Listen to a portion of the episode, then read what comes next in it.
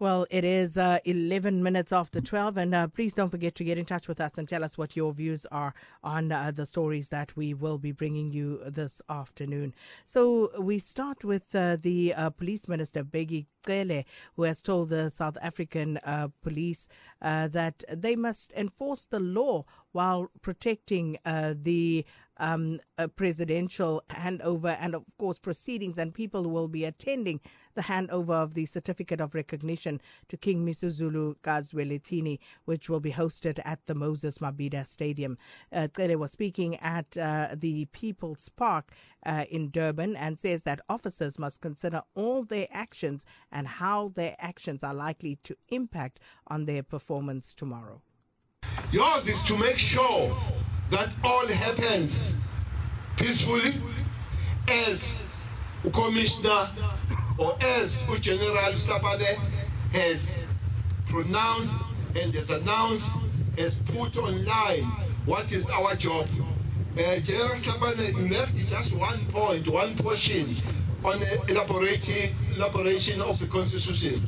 You said we must uphold the law. The portion you left that and enforce it. That's a portion you left. We uphold the law and enforce it. Tomorrow, starting from yesterday, today, tomorrow, and after, your job is to enforce the law. Anything, anybody that gets out of the way, you must make sure that you put that person back on space so that tomorrow and thereafter, the situation and the event is given the dignity that it deserves. Half of you are here as you are deployed in the province because our our deployment is not just here at Winnie, it's in the province. There are routes of people that are coming here. We have saturated those routes as people come here. You are deployed on the hotels, you are deployed around where people will be. You'll be given your jobs what to do. Please stick with your job. Please stick with what you're supposed to do. And uh, General Cele also spoke um, about the gang rape of eight women in Krugersdorp, and he says that they have cracked the case. Many people were rounded off there, uh, quite a big number. And then the first step was a identification photo parade that was made, and the, victims, uh, the people that were were survivors, identified those 14 people. The arrest was based exactly on that. But because it's a sexual offense and the rape, we had to go an extra mile as usually do. We went for the DNA. We wanted to be thorough to such an extent that the half of those people, the second DNA was taken. All that DNA has come back negative. But let me say, the way we were thorough, we created a special team in the laboratories to deal with the issues of Krugersdorp. 300 DNA tests have been taken to be far beyond these 14 people that have been arrested. When we go for verification, especially for the people that have identified those people, they were very much hesitant. They were very much uh, not sure as they were in the initial. Well, it can be explained from the understanding of themselves why they were not sure. So NPA then could not take the matter forward. But it must be said here that the investigations are going on and other elements are still looked at. You remember that there is a case, even as we speak today, that is going on on the matter. Disappointed? Yes, because we thought we would have arrived at our destination, but disappointed? No, because we are continuing and will finally crack the case. And that was uh, Police Minister Bheki Cele speaking at uh, People's Park in Durban and addressing police officers first and then, of course, the media. Well, um, uh, after that, you know, um, uh, we are going to back uh, to that Krugersdorp situation because in a surprise turn of events yesterday, the NPA said that the police were uh, had actually arrested the wrong suspects in connection with that incident where eight women were gang raped. And this after DNA testing revealed that none of the suspects could actually be linked to the crime. They now face uh, only charges of uh, contravening the Immigration Act. But for more on this, uh, we join on the line by uh, the West Rand District Commissioner, Major General Fred Kekana. Uh, Major General, thanks so much for your time and welcome to Updated Noon. Uh, good day, Fatina. Good day to the listeners. Uh, Major General, I think one of the issues here is obviously to set the record straight. So, in terms of how I have characterized what happened yesterday, is that indeed correct? Uh, no. Um, firstly, let me highlight that um, after the case or after the incident was reported to us as the police, we made all everything possible our ability and power. And every information that comes before us, we have to follow. And to ensure that we utilize all available uh, investigative techniques that are available. And we are still continuing. The case is still not closed. The case is still under investigation. Um, the team is still working on the case, and every avenue follow, followed up with regard to this matter. And uh, what happened? several people were arrested for being undocumented, for being um, some of them, obviously, those 14 that were charged. Um, identity parade was held. Four of the victims went for this 14 out. Um, and after that, three weeks back, another identity parade was conducted with one of the victims, not one of the four that came before. And this victim also pointed four other people from the same identity parade.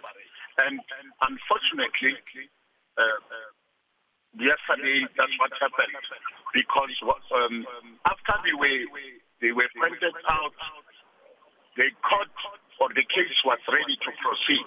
And the procedure is that the prosecuting authority need to engage the victims, which they did. They had to do what we call consultation with them to verify and check certain things. And after that consultation and engagement by the advocate responsible for the case with the investigating officer and the victims, um, that's where it became apparent that um, for now there is no need to proceed with the charge. But the case is still ongoing. Uh, investigation is still ongoing.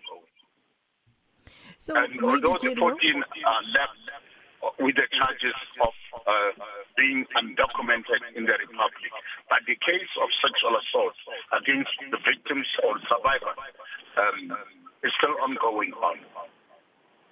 So, uh, as per your explanation, uh, the victims actually identified uh, these men through two separate identity parades.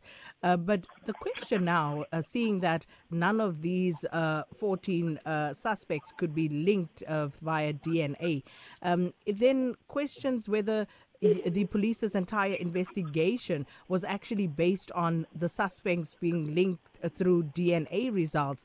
Um, uh, as uh, uh, they were pointed out in that identity parade. Now that they haven't been linked uh, through DNA, uh, do you have any other leads that you are following up? Anything else to link anybody to these rapes?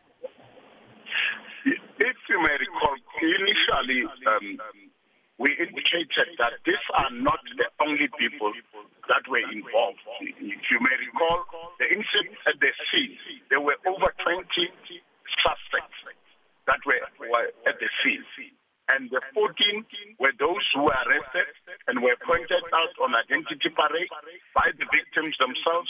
After pointing out, they gave a statement under oath confirming that they are the people who uh, sexually violated them and robbed them.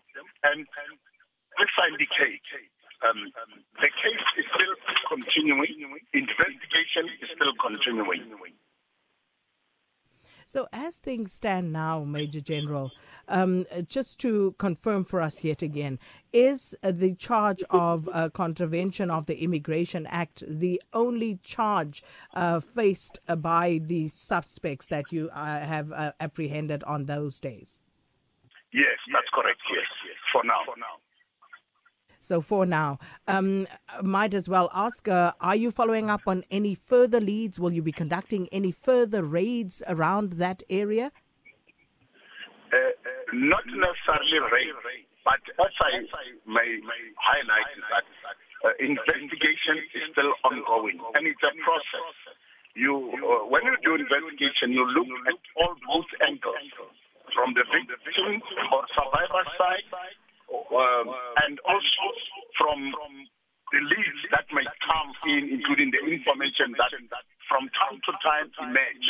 Uh, hence, uh, two weeks back, we had to arrest one of the crew people who was found in possession of the exhibit, which were reported robbed or stolen. But this is ongoing. It's part of investigation. Uh, and for now, what I can say is that the investigation is going on and every information that comes to the fore is being followed, and every lead that comes to the fore will be followed and can be followed.